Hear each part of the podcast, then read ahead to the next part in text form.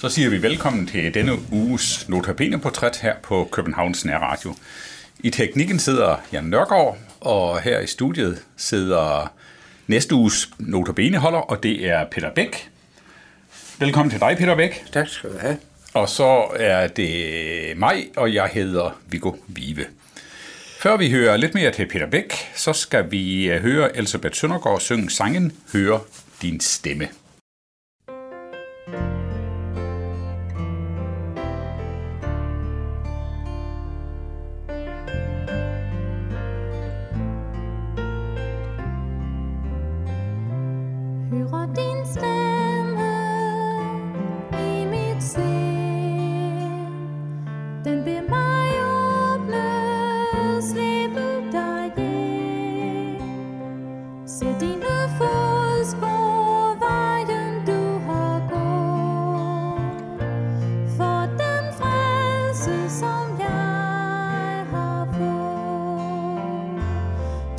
Hører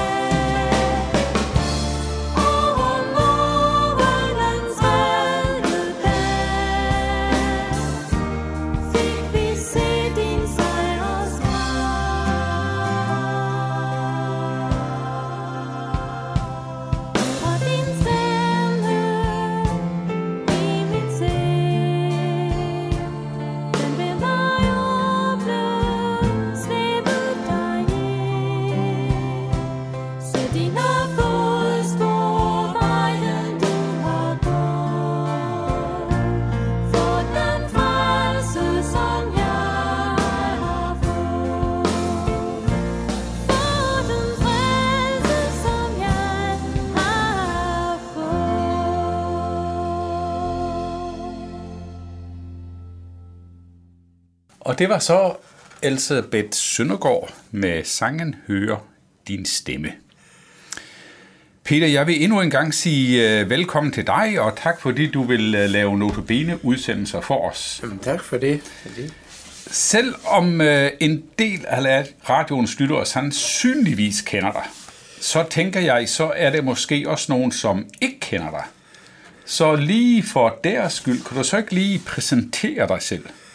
Jeg hedder som sagt Peter Bæk, bor på Christianshavn på 44 20 år og er 77 år gammel. Udlandet vågner beslagsmed med, og interesserer mig rigtig meget for frimærker og bruger en del af min tid på det, som jeg ikke bruger på kristelig arbejde. Så, fordi som pensionist behøver man ikke at sidde og kede sig. Så er der rigeligt at tage fat på. Og så kan man jo sortere og så vælge det, man gerne vil. Jamen, det er jo rigtigt. Øh, nu siger du, at du øh, bor på Christianshavn. Det er nu ikke, fordi du lyder som en Christianshavn. Nej, men jeg er Morsingbo. Morsingbo. Født på Mors Ja. i 1939.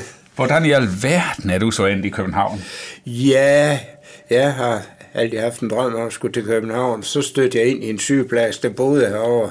Hun døde så fra mig for 10 år siden, men øh, Så sygeplejersken, du har stødt ind i, det var hende, du blev gift med. jeg blev gift med, ja. Ja. ja. Øh, Peter, jeg ved jo, at du, som du selv siger, så engagerer du dig særlig meget i kristent arbejde. Ja. Hvad får dig til det? Nu er jeg jo født i en indre missionshjem op på Mors, og jeg har jo set det fra... Jeg har set- næsten fået det ind med modermælken. Ja. At der så har været en, en, en tid af i ungdommen, hvor man måske ikke øh, tog sig så meget af det, men så kom jeg på Haslev Højskole Ja. og mødte, og det var dengang biskop, senere biskop Henrik Christiansen var, Ja. var forstander dernede, og det gjorde jeg så, at jeg kom tilbage til, Til rødderne, ja, kan man sige. ja, Ja.